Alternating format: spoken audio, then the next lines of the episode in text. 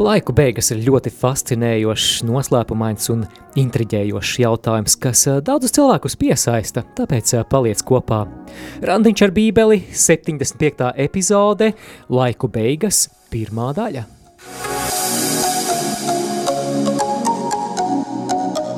Skan Randiņš ar bībeli.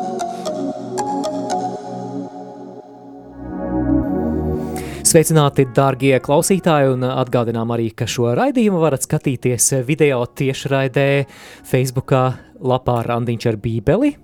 Un arī YouTube mūsu rādījumā arī Latvija konta, kurš arī saucas rādījumā arī Latvija.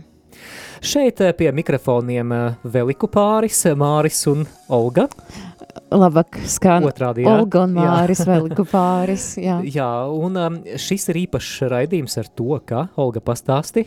Jā, mums vēl šeit parādījies vēl viena grāmata, kuru sauc par grāmatu grāmatu, un šeit ir jauna, ar jaunu tulkojumu, ja, svaigi izspiest, spiesta, kā lai saka. svaigi izspiesta. izspiesta. jā. Cerams, ka tas, kam tik šī bībele patiešām izspiedīs visu izspiedīs labumu no visu bībeles. labumu no tās bībeles, un šī ir jauna bībele, ko šodien mēs izlozēsim starp tiem cilvēkiem, kuri pieteicas uz uh, Bībeles lasīšanas, lasīšanas plānu. plānu jā. jā, un tas būs raidījuma noslēgumā, bet pirms tam mēs studēsim Dieva vārdu, un lai mēs noskaņotu savas sirdis, lai tās būtu atvērtas, tad pavadīsim kādu īsu brītiņu lūkšanā Dieva tēva un dēla un svētā gara vārdā. Āmen. Amen. Dievs, svētais gars, mēs ilgojamies pēc tevis, mēs lūdzam, lai tu esi mūsu galvenais bībeles skolotājs – Dievs, mēs lūdzam, lai gan mūsu privātie randiņi ar bībeli, gan arī šis raidījums ir mūsu satikšanās ar Jēzus personu. Un lai šis vārds, kurš ir aktuāls arī šodien, kurš ir dzīves un iedarbīgs, turpina mainīt mūsu sirdis, lai palīdz mums iet svētuma ceļu un iepazīt Dievu ar vien vairāk un vairāk. To mēs lūdzam caur Jēzu Kristu mūsu kungu. Āmen. Āmen. Svētais Matei, lūdz, lūdz par mums. mums.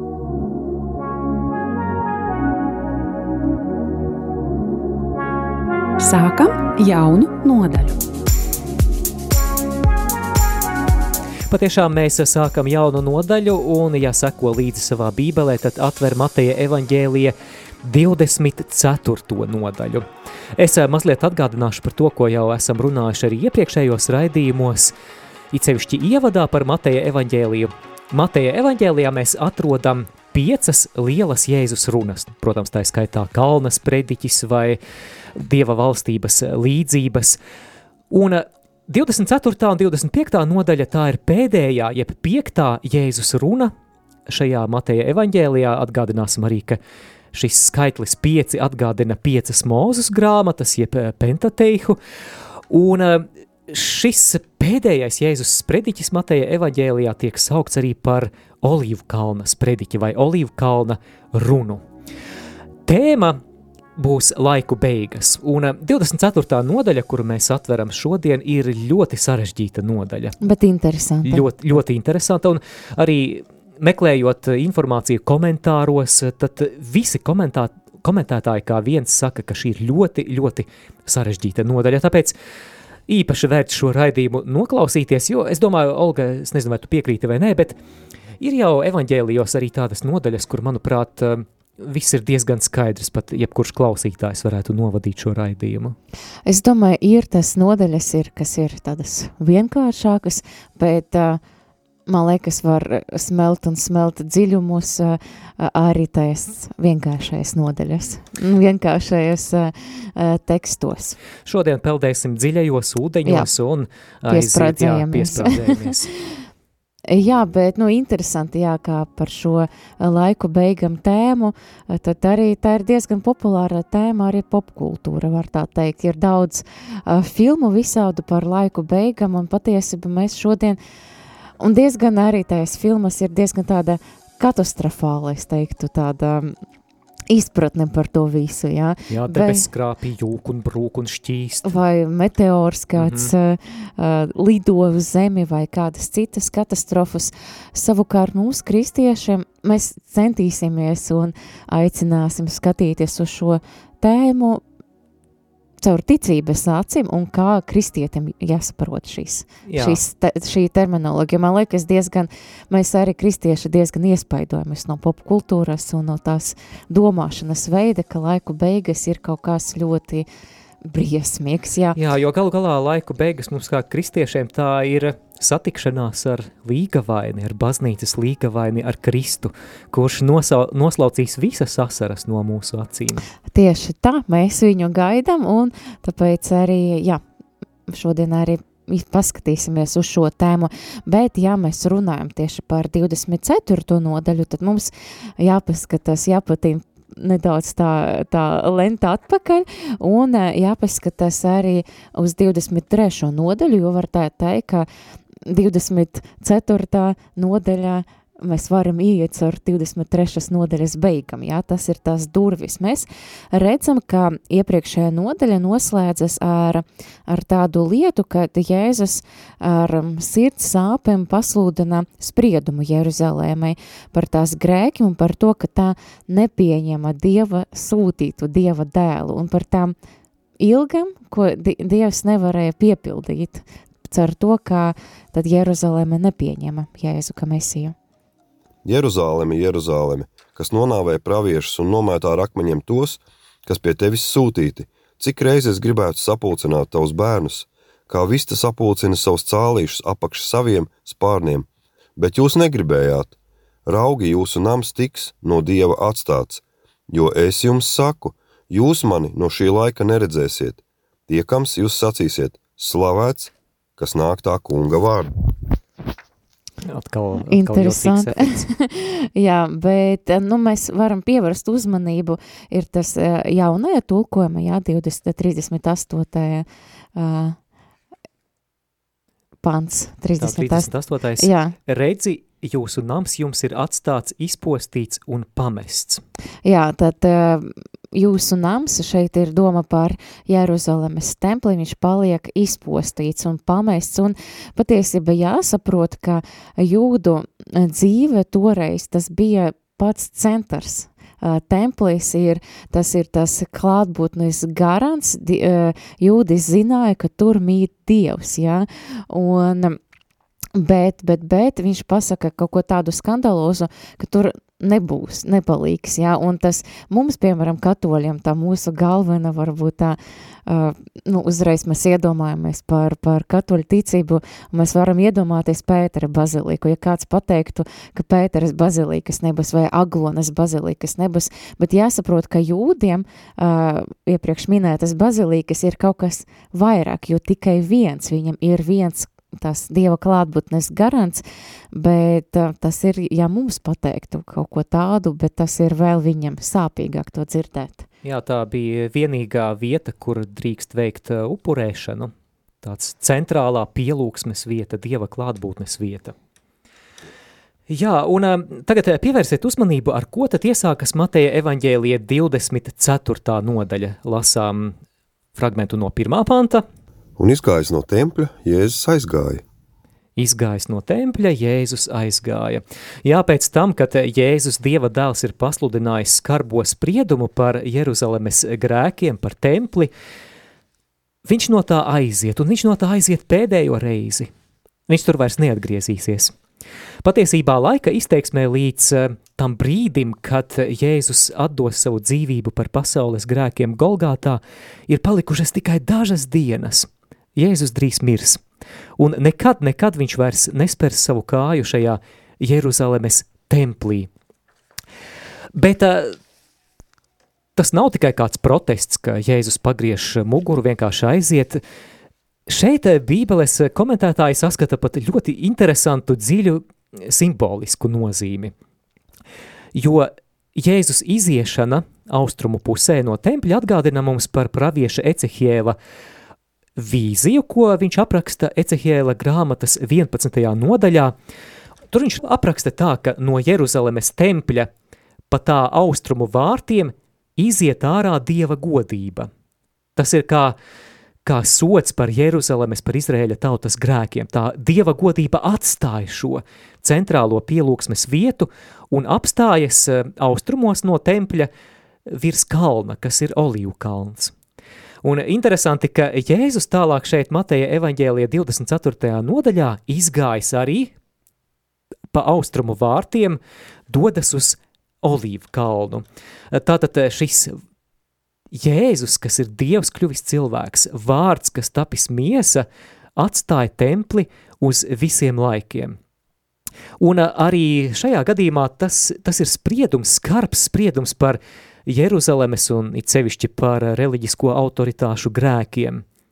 Dievs šādā veidā simboliski templi atstāja uz visiem laikiem, un ja mēs tālāk lasām jauno derību, piemēram, apustuļu vēstules, mēs redzam, ka tempļa jēdziens nekur nepazūd, bet, bet tā tempļa nozīme pārvietojas kaut kur citur, piemēram, Starp citu, tas bija mans bakalaura darba temats. Mm, Razī, jā, par, par to, par uh, baznīcu kā dieva tautu, kā svētā gara templi. Eh, mat, uh, piedodiet, svētais Pāvils to apraksta pirmajā vēstulē korintiešiem, trešajā nodaļā no 16. līdz 17. pantam, tātad, piemēram, baznīca dieva tauta kā dieva templis, un uh, tas mums var atgādināt arī Jēzus pasludinājumu Jāņa evaņģēlija 4. nodaļā. Atceries, ar ko viņš tur runā? Jā, kā lūgt būs gāra un patiesība, Jā. nevis templī. Mm -hmm. Es uh, tieši par to iedomājos nodaļu. Jā, atbildot samarietēji, kur būs pielikt, saka, jā. jā, ka ne, nevis šajā kalnā, kur jūs samarieši pielūdzat, nevis Jeruzalemes templī, bet tēvs meklē tos, kuri viņu pielūgs garā Gara un, paties. un patiesībā. Bet uh, tagad lasām pirmo un otro pantu un izgājis no tempļa, Jēzus aizgāja. Tad viņa mācekļi piegāja pie viņa, lai rādītu tempļa celtnes. Bet Jēzus atbildēja un sacīja viņiem: Vai jūs visu to neredzat? Patiesi es jums saku, šeit akmens uz akmens nepaliks, kas netiks nopostīts. Es eh, domāju, Olga, ka daudzi klausītāji ir bijuši svētajā zemē, apmeklējuši Jeruzalemi. Starp citu, jā, Biruta mūsu jā, brīvprātīga, kas jā. uh, sēž pie info tālruņa viņa. Jā, nesen atgriezos. Biruta, jā. jā. Es nezinu, vai, vai Birutas svēceļnieku grupa apmeklēja vai nē tempļa kalnu, bet man viens no spilgtākajiem iespaidiem Jeruzalemē bija iespēja uzkāpt tempļa kalnā. Šobrīd templis tur ir, mm -hmm. nu, tu, tur nav tempļa, templis ir nopostīts, bet tur ir šī klints kupola mošeja. Ja esat redzējuši Jeruzalemes bildes, tad eh, visi zina, par ko ir runa. Tad šajā vietā ir klints kupola mošeja. Un man elpa aizrāvās apzinoties, ka šeit, kur es staigāju pa šīm marmora plāksnēm, ka šeit, šajā vietā bija viens no apbrīnojamākajiem arhitektūras objektiem – izcila, elpu aizraujoša celtne.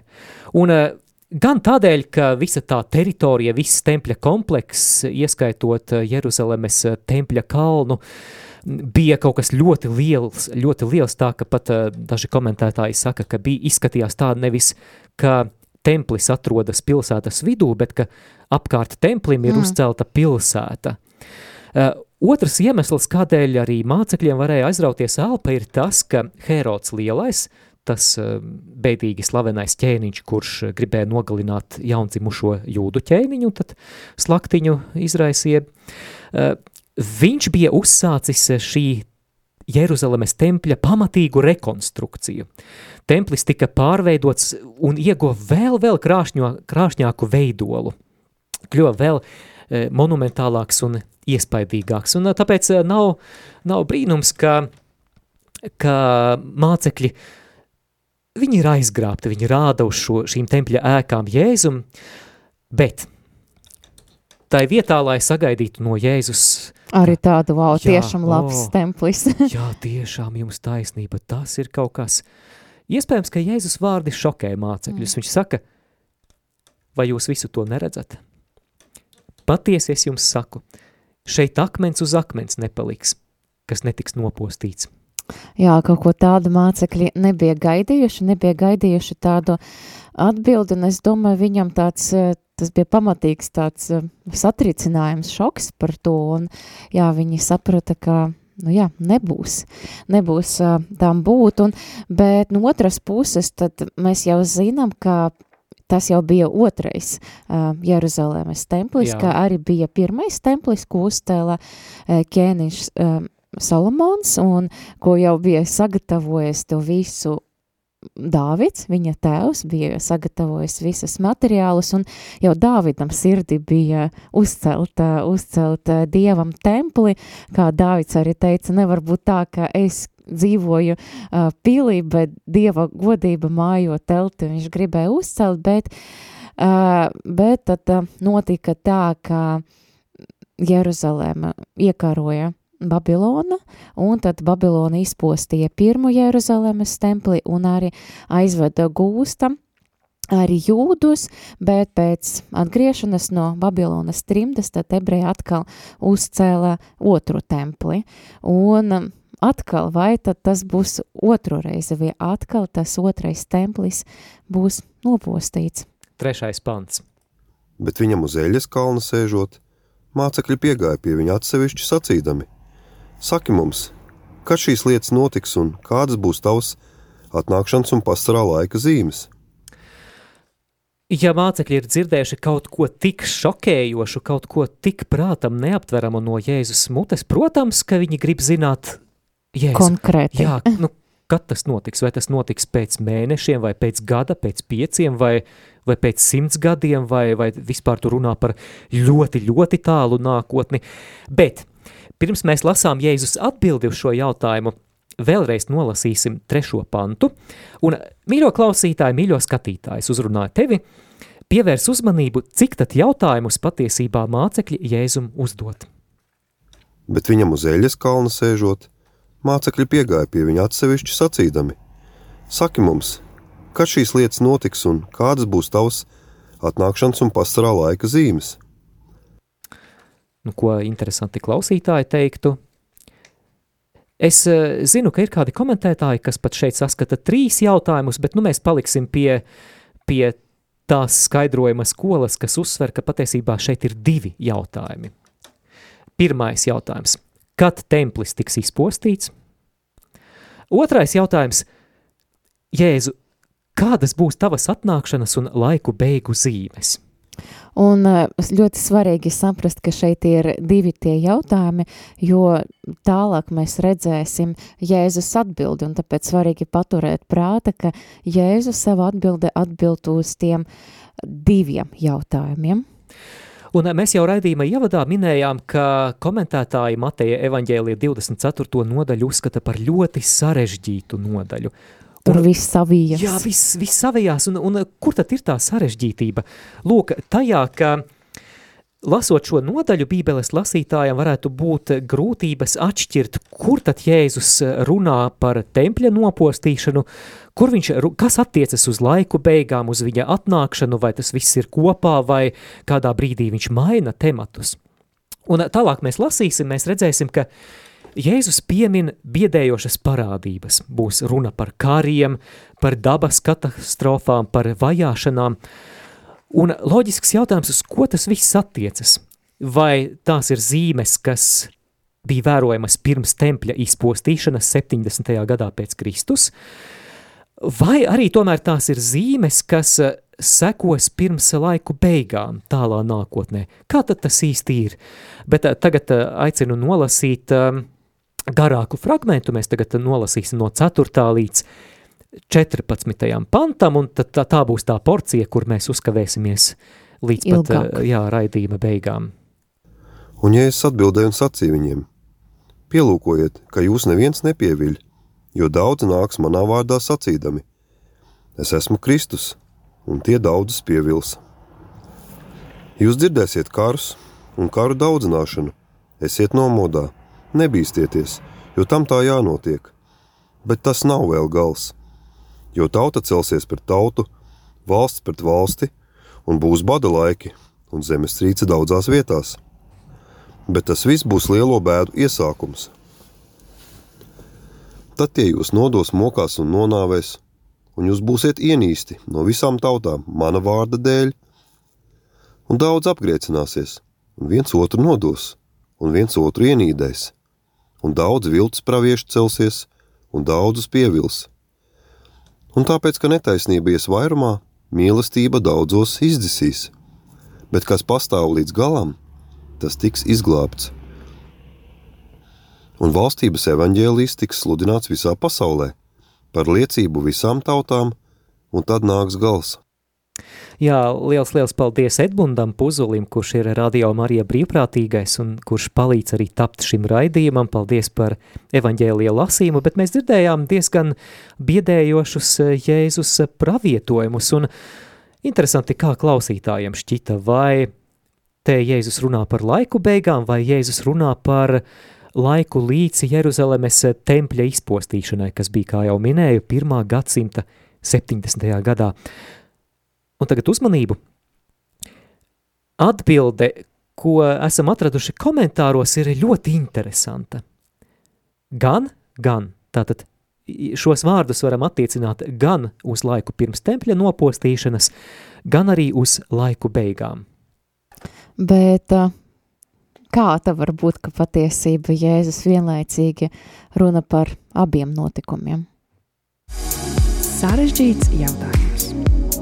Jā, šis ir tas sarežģītais Sarežģīts. eh, jautājums, kuru mēs eh, mēģināsim šķetināt arī raidījuma turpinājumā. Bet eh, es domāju, ka vispirms, nu, tā kā jau daudz ir dzirdēts, ir laiks pārdomāt dzirdēto un lasīt to un noklausīties arī kādu dziesmu.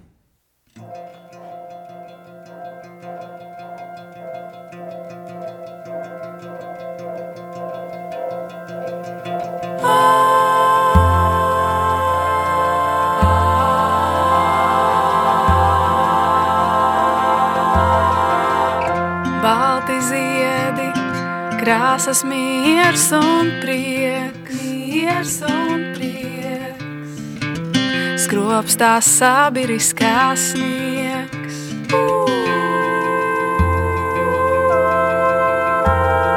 Priecājies, priecājies, priecājies, priecājies, dziedi,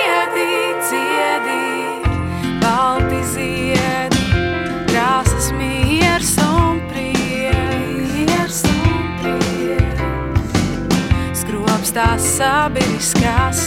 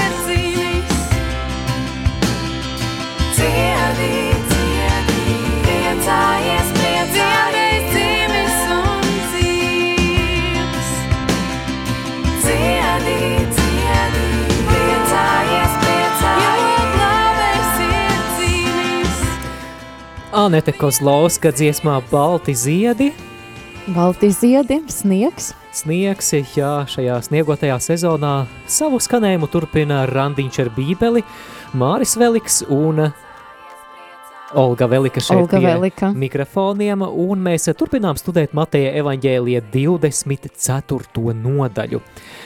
Un mēs pirms dziesmas apstājāmies pie sarežģītā jautājuma, kā tad tas var būt, ka Jēzus šos skarbos pravietojumus, kurus mēs pirms brīža lasījām, attiecina gan uz Jeruzalemes tempļa bojāēju, gan uz laiku beigām.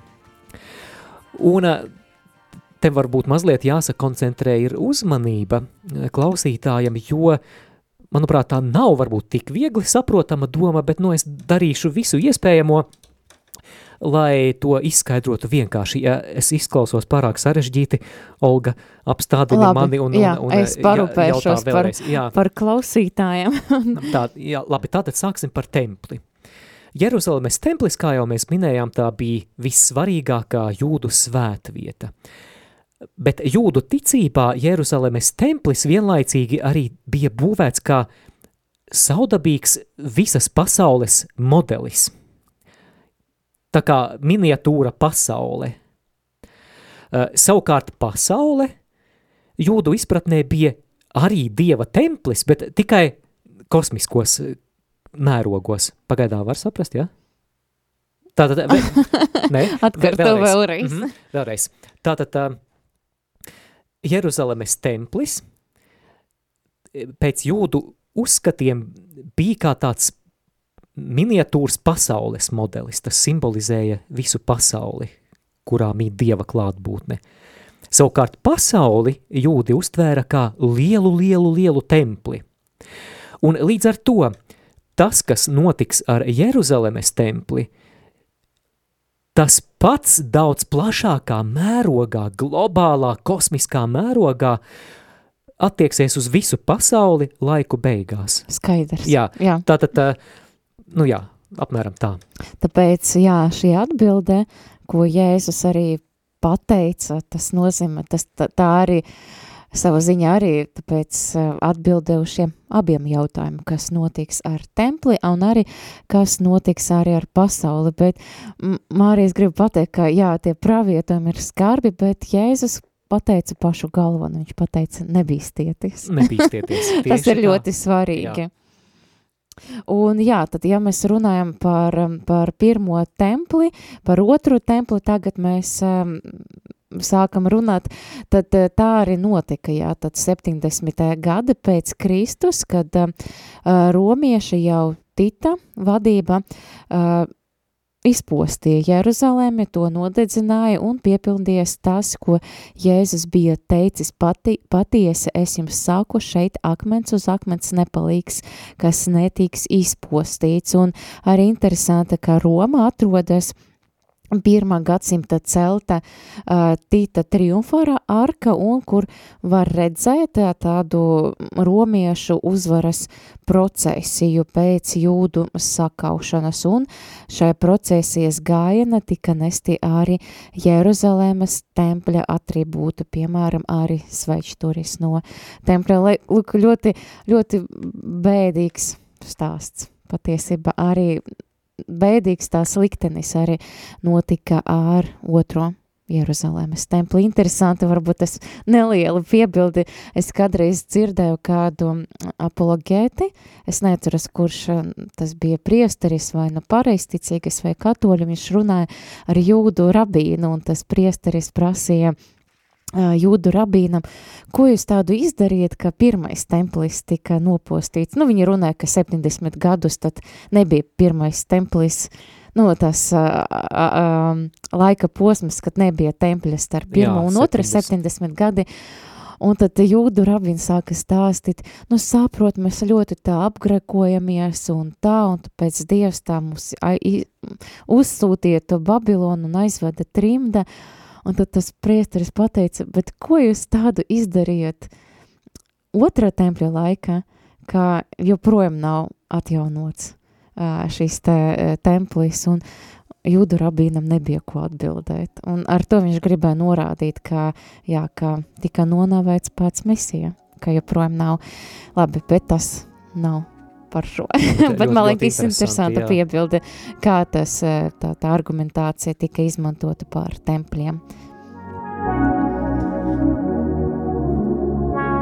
Bet uh, tagad, mīļo klausītāji, mēs pāanalizēsim fragmentu no 4. līdz 14. pantam mazliet sīkāk. Un Šajā fragmentā Jēzus runā par notikumiem, kas, eh, kas norisināsies pirms gan tempļa beigām, gan pirms pasaules beigām, bet tās vēl nebūs pašas beigas. Astotais pants. Bet tas viss būs lielo bēdu iesākums. Jā, lielo bēdu iesākums, precīzāks tulkojums ir šajā tā, tā saucamajā jaunajā tulkojumā, jeb 2012. gada tulkojumā, kur eh, astotais pants izteikts šādi. Bet tas viss būs tikai dzemdību sāpju sākums. Un, eh, kā jau mēs dzirdējām, te Jēzus runā par biedējošām zīmēm, bet eh, ja mēs eh, vēlamies kaut kā visu salikt pa plauktiņiem, sagrupēt, tad mums varētu palīdzēt šāda klasifikācija. Tātad šīs biedējošās zīmes var iedalīt trīs lielās grupās. Pirmais – garīgs ļaunums, jeb reliģiska pievilšana. Otrais – morāls ļaunums, runa par kariem, par netaisnības vairošanos pasaulē. Un dabīgs ļaunums, jeb dabas katastrofas, ko arī Jēzus šeit pieminēja. Bet eh, sākumā īsumā parunāsim par katru no šīm grupām. Vispirms par garīgo ļaunumu, un vēlreiz mm, pievēršam uzmanību 4. un 5. pantam.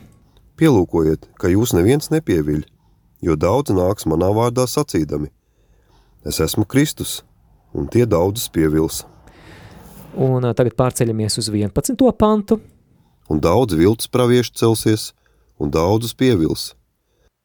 Un tā tiešām arī notika, piemēram, arī uzreiz pēc Jēzus nāves un augšām celšanas, līdz pat uh, tempļa iznīcināšanai, arī tajā laika daudz cilvēki sevi sauca par mesiju, un, uh, piemēram, bija tāds uh, personāžs kā Dositeo samarietis, kurš apgalvoja, ka ir Mūzes pravietotais mesija, Un, jā, daudzi sevi apgalvoja, par, apgalvoja, ka viņi ir mesija. Man liekas, arī mūsu klausītāji ik pa laikam varbūt arī dzirdējuši, arī, ka ir kādi mūsdienas arī apgalvo par to, ka viņi vai nu ir pravieši, vai nu ir pats mesijs, vai, vai arī Jēzus, un arī netrūks tādu joprojām šodien. Un eh, starp citu, to ir daudz vairāk nekā es sākumā biju iedomājies. Papētījām Wikipēdijā kādu rakstu par tiem, kuri ir vēsturē vai arī šobrīd uzdodas par mesijām, un tur ir vesels zooloģiskais dārs. vai- Zoologiskais. Jā, vai es nezinu, kā to kolekciju nosaukt. Daži piemēri, tas varbūt eh, neko daudz nedot mūsu garīgajai dzīvē, bet vienkārši ir ļoti, ļoti interesanti.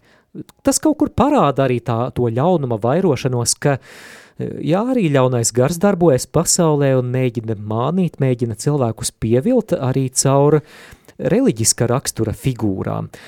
Piemēram, tepat mums kaimiņos aust, pie austrumu Austrumu pusē, tātad Krievijā, Sergejs Torops, dzimis 1961. gadā, sevi dēvē par Visarionu. Viņš ir pēdējās derības baznīcas dibinātājs Dienvidsibīrijā. Esmu dzirdējis, ka viņi ir uzcēluši Saules pilsētu, tur viņa sekotāji dzīvo, lai gan pats Vi- Visarions šobrīd eh, sēž cietumā. Pat mazliet žēl, pat eh, kļūst nu, tāds es empātisks esmu. Eh, Mērķis ir apvienot visas pasaules reliģijas, un kas ir nezinu, vai, vai smieties, vai raudāt, bet Ziemassvētku datumu Visarions ir aizvietojis ar savas dzimšanas dienas datumu.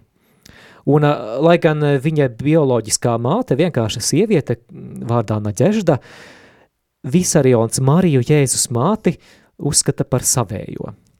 Arī ne tik tālu no mums, Horvātija, Ante Pavlovičs, Horvāts, un viņš apgalvoja, ka ir Jēzus Kristus reinkarnācija un ka viņš kļūs par Horvātijas prezidentu, un viņam savukārt neizdevās to iztenot 2020. gada viņš bija mīgris. Arī kāds jau Tālāk no mums uh, Sanjāns Mūns ir um, apvienošanas baznīcas dibinātais, kurš apgalvoja, ka 15 gadu vecuma Jēzus viņu svaidīja pabeigt viņu nepabeigto darbu, kļūstot par tēvu visai pasaulē ir, ka arī tādi ir. Man liekas, arī mums no kādas Dienvidu Korejas vienreiz zvanīja uz info tālruniem, piedāvāja novadīt kaut kādas bībeles lekcijas, un tad es papētīju, kāda tā ir um, baznīca vai kas izrādies, ka tā ir kāda sektāri, kas uh, viņa apgalvo, viņa dibinātais arī apgalvo, ka viņam tāds dievišķi izcelsme, un ka viņš uh, personīgi atlasīs 144 tūkstošus, kas tik, tiks uz debesīm, un tikai viņam ir tā harizma uh, tulkot, nu, skaidrot atklāsmes grāmatu. Nu, ko lai Tas ir saku? pavisam tuvu, jā. Mums arī zvanīja, labi, ka mēs nepiekrītam, jā. Tieši tā, un tu minēji šo mūna dibināto apvienošanās baznīcu. Varbūt arī kādi klausītāji ir redzējuši, nu vismaz man, šī mūna, šis kults saistās ar masveida kāzām lielā stadionā. Wow. Um, tur vienkārši saved kopā cilvēkus, kuri iepriekš nav bijuši pazīstami, un tad tas mūns viņus eh, visus Savēt, salau- viņš jā, visu un- kontroli, viņš visu savēt. Salauzāja, jā, tāds negluži kats sats, bet mūns sats, nu labi, tā, tā humoram. Bet, eh, bet eh, kurjos arī, ka no šīs mūna dibinātās apvienošanas baznīcas atšķēlās vēl kāds, kurš apgalvoja, ka viņš ir mesija. Tas ir Jung, Jung Seok. Arī dienvidkorejietis un pasludināja, ka, lai arī viņš nav gluži pats Jēzus, bet viņš iemieso Jēzus otro atnākšanu, nu, lai arī ko tas nozīmētu. Viņš eh, apgalvo, ka ir mesija un ka viņa uzdevums ir nu, tik cēls, wow, izglābt visu cilvēci. Eh, Viņš māca to, ka kristiešu doktrīna par augšām celšanos nav pareiza, bet eh, ka visi cilvēki var tikt glābti caur viņu pašu. Mm, Cik interesanti. Un, un kā jums šis? Šis arī īpašs eksemplārs, sarkanā grāmata vienkārši. Jose Luis de Jesus, dzimis 1946. gadā, miris eh, 13. gadā. Floridā ASV dibināja kalpošanu ar nosaukumu augšana žēlastībā. Nu, nosaukumam nav nevainas, bet, eh, bet mācība gan ir interesanta. Viņš apgalvoja, ka vienlaicīgi, un tagad eh, tā nenokrītiet lūdzu no krēsla, ka vienlaicīgi viņš ir gan Jēzus Kristus, kurš atgriezies virs zemes, gan, neticēsiet, antikrists. Un uz rokas viņš bija uztetovējis trīs sešiniekus. Nu, kaut kas traks, bet in interesanti, ka šo sarakstu varētu turpināt vairāku raidījumu garumā. Lūk, piemēri garīgam ļaunumam ar mērķi novērst no patiesības, un eh, tuvojoties laiku beigām, tas vēl tikai būs intensīvāks un eh, vēl kliedzošāks. Bet es domāju, mēs varam pieminēt ne tikai varbūt tie, kas tieša veida sevi sauc par um, Jēzus otro atnākšanu, bet arī par citiem garīgiem kultiem, kam, kas arī, man liekas, ļoti, ļoti aug un um, paplašanās, un arī manami nemanāmi arī iet mūsu ikdienā. Man liekas, arī var minēt arī tādu, tādu praksi, ka New Age, kas apvieno uh, visu un kas, kas pasludina patiesību, ka tu pats sev esi Kristus, tu pats sev esi glābējs, tev uh, tā kā jauk līdz Kristus uh, apziņai un patiesība, uh, man liekas, tas arī tāds diezgan bīstams um, arī mums kristiešiem tāds, uh, tāda mācība, un patiesībā šī mācība ļoti daudz kur iefiltrējas. Piemēram, es uh, vakardien ar krustdēlu mēs iegājām paskatīties uh, galda spēles, un viena no galda spēlēm, es nezinu, kas tur bija attēlots, bet kaut kas ļoti, ļoti jocīgs no New Age lietu, un es domāju, vā, vā, vāc, un tiešām viņi pat uh, šeit ir ienākuši. Un, jā, man liekas, tas arī vēlreiz apliecina to, ka jā, mums būs mums jābūt modriem un jā, mums jāskatās, lai neviens mūs nepieviļ. Jā, un es domāju, ka šeit ir vērts arī ielūkoties mazliet tālāk Mateja evaņģēlija 24. nodaļā.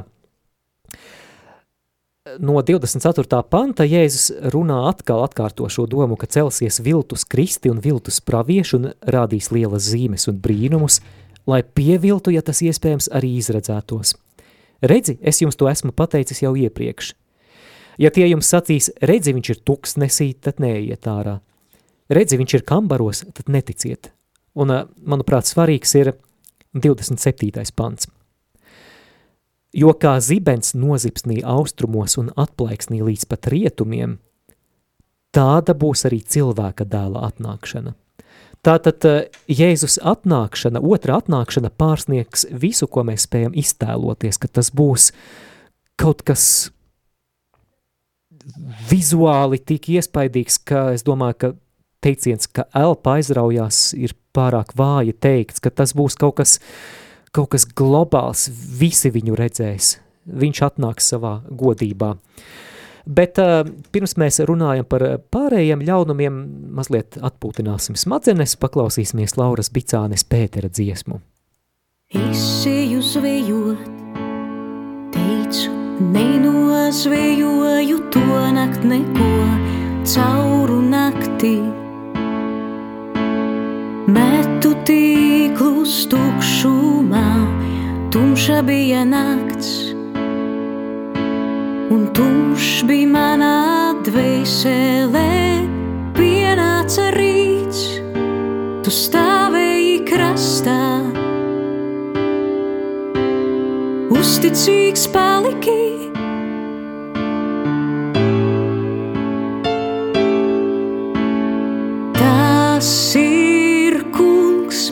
man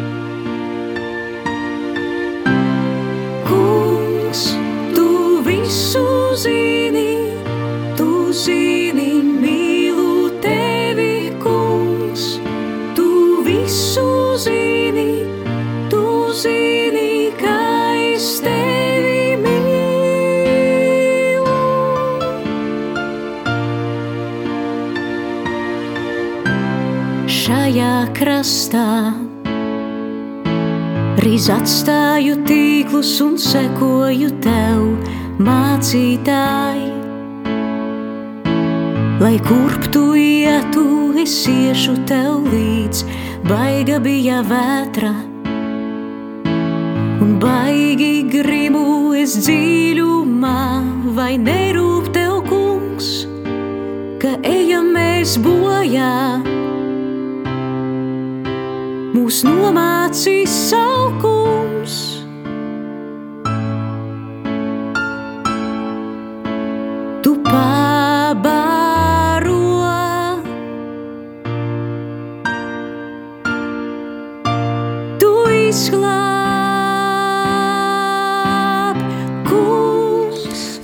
Tu visu zini, tu zini, ka es tevi mīlu, tā dzieta Laura Bicāne Pētera dziesmā, bet mēs turpinām raidījumā Randiņš ar bībeli studēt Mateja evaņģēlija 24. nodaļu, un mēs eh, runājām par tām zīmēm, kas sekos laiku beigās, kuras varam raksturot kā garīgu ļaunumu, viltus mesijas, viltus mācības, un eh, kāds eh, klausītājs arī raksta un vēlas zināt, varbūt varat minēt kādus brīnumus mūsdienās dara viltus pravieši, un vai vispār ir tādi mūsdienās brīnumi.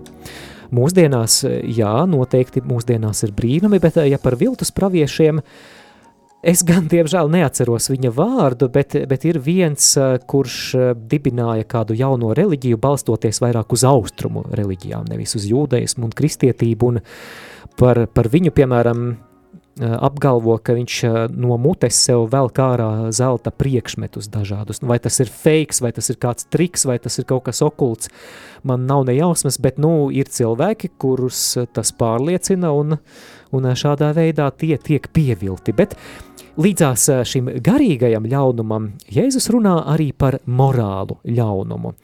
Un starp, eh, starp šiem, šiem morālā ļaunuma piemēriem mēs varam minēt, piemēram, karus. Lasām 6. un 7. pantu. Jūs dzirdēsiet karus un karu daudzināšanu. Esiet nomodā, nebīsties, jo tam tā jānotiek. Bet tas nav vēl gals. Jo tauta celsies pret tautu, valsts pret valsti, Jā, lūk, dažus gadus pirms Jeruzalemes tempļa iznīcināšanas Romas impērijā sākās pilsoņu karš. Romas impērija centās apspiest eh, jūdu sacelšanos, un eh, jā, tas bija karš, bet eh, arī laiku beigās tad jau daudz lielākā mērogā noteikti militāri konflikti un saspīlējumi būs eh, arī zīme laiku beigām un Jēzus otrajai atnākšanai un tēma aktuāla arī mūsdienās. Kā nekāda arī šodien. Jā, Arī pie morāla ļaunuma var arī minēt eh, kristiešu vajāšanas. Nu, lāsam to tad no 9. līdz 10. pantam. Tad tie jūs nodos mokās un nonāvēs, un jūs būsiet ienīsti no visām tautām mana vārda dēļ, un daudz apgriecināsies, un viens otru nodos, un viens otru ienīdēs. Un mēs eh, redzam, ka jau uzreiz pēc vasaras svētkiem, kad bija um, nodibināta baznīca, draudze, un mēs lasam apustuļu darbos, ka jau sākas vajāšanas, jau bija arī lasam par pirmo mocekli Stefanu, un patiesība, jā, tā ir bijusi pirmā lielākā atmoda, un es, mēs reiz, uzreiz lasam, ka arī cilvēkus, darbojas arī tāds pasaules gars, kurš pretojams tam visam un arī tad arī mēģina apkarot tad Dieva to kustību, kā Dieva vārds izplaties. Un arī šodien patiesība, diemžēl jāatzīst, ka joprojām kristieši tiek vajāti. Daudzas valstis vai islāma valstis vai kur arī oficiāla reliģija ateisms, piemēram, Ziemeļkoreja kristiešu ticība tiek uzskatīta par tādu kā draudu, un patiesība par to vai nu vāja, vai nu arī piespriež kādu uh, cietumsodu, vai pat nogalina par to, ka vienkārši tu kļūsti par kristieti. Un arī rietumus mēs arī varam redzēt, ka ir tā uh, kādai ideoloģijai, kas arī pretojas kristietībai, bet patiesība arī cenšas kristietību tā kā apklusināt. Jā, šonedēļ otrdien arī biju raidījumā sarunā ar bīskapu kopā ar arhibīskapu Zbigņevu Stankēviču, un arī mēs mazliet runājām par šīm lietām, un jā, viņš teica, ka mums ir jārēķinās ar to, ka tas va, viss šeit rietumu sabiedrībā, šis spiediens pret kristiešiem var tikai pieaugt. Bet, nu, es esmu pārliecināts, ka pat, pat ja šis spiediens un vajāšanas pieaugs, vienlaicīgi būs arī spēcīga atmoda, tā ka, tā ka visur, visur ir arī savs gaismas stariņš. Un, un, un, līdzās garīgam un, jā, vispirms es varbūt atbildēšu uz jautājumu, vai tas nozīmē, ka Jēzus nāks drīz visas šīs zīmes? Varbūt jā, varbūt nē, Man liekas, mēs, eh, mums jāapzinās ar katru dienu, mēs tuvāk un tuvāk esam Jēzus Jā. atnākšana, kā nekā laiks neiet uz Mhm. atmuguriski. Bet mēs, jā, mēs eh, nezinām konkrētu laiku. Tomēr eh, Jēzus sniedz mums kaut kādas zīmes, pazīmes, bet eh, jau nākamajā Mateja evaņģēlija nodaļā mēs vēl lasīsim, ka Jēzus aicina mūs būt nomodā vienmēr. Mēs nezinām, kad cilvēka dēls atnāks. Un galu galā, pat ja mēs nenodzīvojam līdz Jēzus otrajai atnākšanai, tad eh, agrāk vai vēlāk mūs pārsteigs mūsu pašu laiku beigas, kas ir māsa nāve, par ko dziet Francisks, svētais Francisks. Un ā, jāatcerās arī, ka ticība Jēzus otrajai atnākšanai tā ir neatņemama katoliskās baznīcas ticības pārliecība. 12. pants. Un tāpēc, ka netaisnība ies vairumā, mīlestība daudzos izdzisīs. Tā, un ā, jā, Jēzus ā, šeit ā, runā, ka līdzās ā, garīgam un morālam ļaunumam Nu jā, vispirms, eh, jā, tas, tas jau attiecās uz to morālo ļaunumu, ka, ka vairosies, vairosies bezdievība, un daudzi cilvēki vienkārši zaudēs dūšu. Za Jā, zaudēs vienkārši varbūt ticību, mhm. cerību un mīlestību. Man liekas, Jēzus mūs brīdina par, par, šiem, par šiem laikiem, un jebkura gadījuma mūsu fokusam jā, jābūt uz uh, Dievu, lai pastāvētu tajā mīlestība, lai mūsu, lai mūsu ugantiņa, lai mūsu svečtūris nenodziest. Jā, eh, 13. pantā Jēzus aicina mūs pastāvēt līdz galam, būt izturīgiem. Bet kas pastāv līdz galam, tas tiks izglābts. Jā, savukārt eh, trešā ļaunuma forma, kas vairosies laiku beigās, eh, varam to nosaukt par dabīgu ļaunumu vai dabisku ļaunumu, kā lai to labāk izsaka. Piemēram, 7. pantā Jēzus min badu un zemestrīces. Arī no tām zīmām, no tām biedējošām zīmām, jā, no kā cilvēki arī varētu nobīties. Bet eh, starp visām biedējošajām zīmēm mēs dzirdējām arī par vienu, vienu skaistu zīmi. Olga, es zinu, ka tu esi Man sajūsmā par patiks, jā. Jā, 14. pants. Un valstības evaņģēlijs tiks sludināts visā pasaulē, par liecību visām tautām, un tad nāks gals. Nu, man liekas, pirmā varbūt tā laba zīme, ka Dievs saka, lai mums nebaidīties.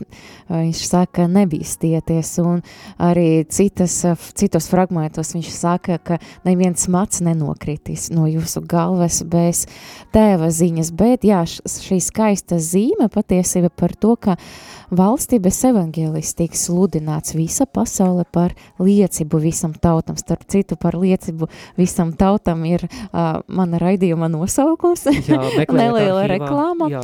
Jā, kur, kur es runāju par to, kā tad mums veicas ar liecību visam tautam un ā, dažādas valstis. Un, ja mēs runājam par atkal par tiem diviem jautājumiem, par Jeruzalemi par, un par laiku beigam, tad mēs atkal redzam, ka atbildot uz pirmo jautājumu, tad ā, Jēzus laikā, tad ā, ebreji sapratu par pasauli ir Romas impērija un līdz uh, pirm, otrā tempļa izpostīšanai, tad tā arī notika. Tad tika pasludināts evaņģēlijs visa Romas impērija. Mēs lāsam to apustuļu darbos un kā Pāvils evaņģēlizē un citi apustuļi.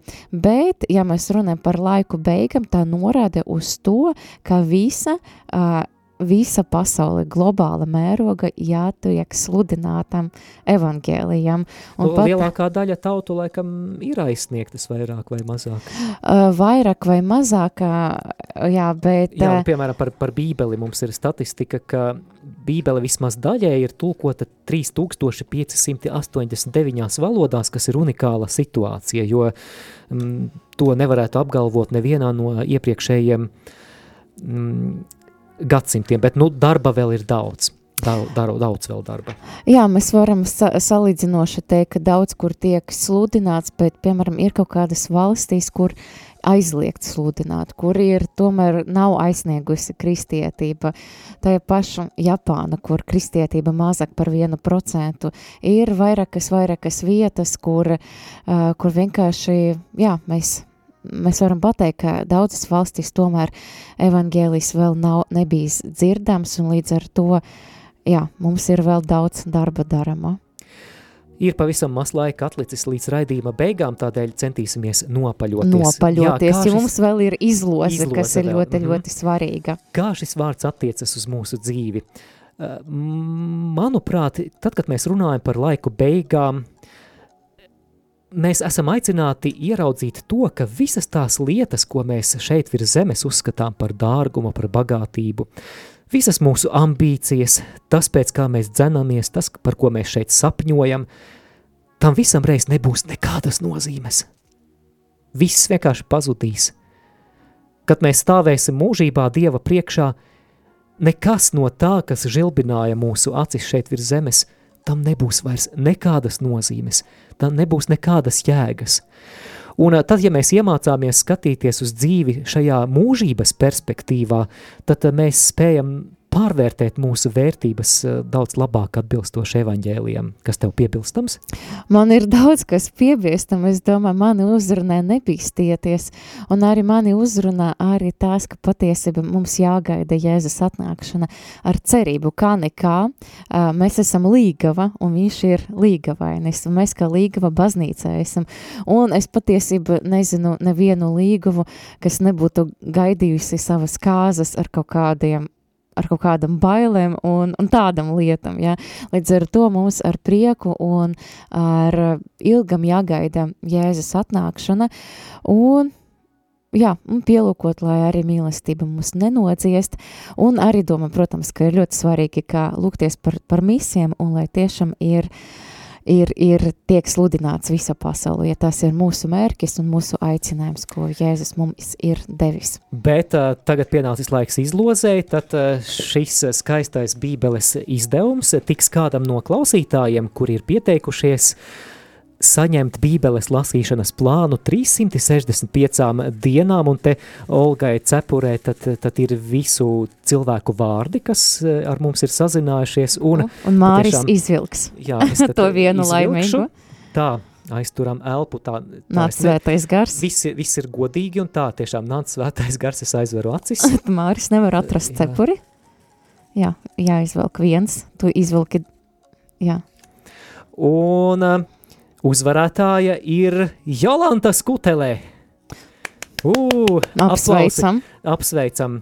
Jā, Jolanta, tad uh, ar tevi sazināsimies par to, kā mēs tev varam nogādāt šo grāmatu, un tad, lai tas tevi iedvesmo šajā gadā baudīt Dieva vārdu. Un um, vēl pašās beigās arī, ja klausāties vai skatāties šo raidījumu sociālajos tīklos, lūdzu ielieciet īkšķīti uz augšu un uzrakstiet kaut vai nelielu komentāru. Tas palīdzēs radio Marija saturam aizsniegt tos, kas ikdienā radio neklausās. Dieva tēva un dēla un svētā gara vārdā. Āmen. Studijā bijām mēs, Māris Veliks. Un Olga Velika.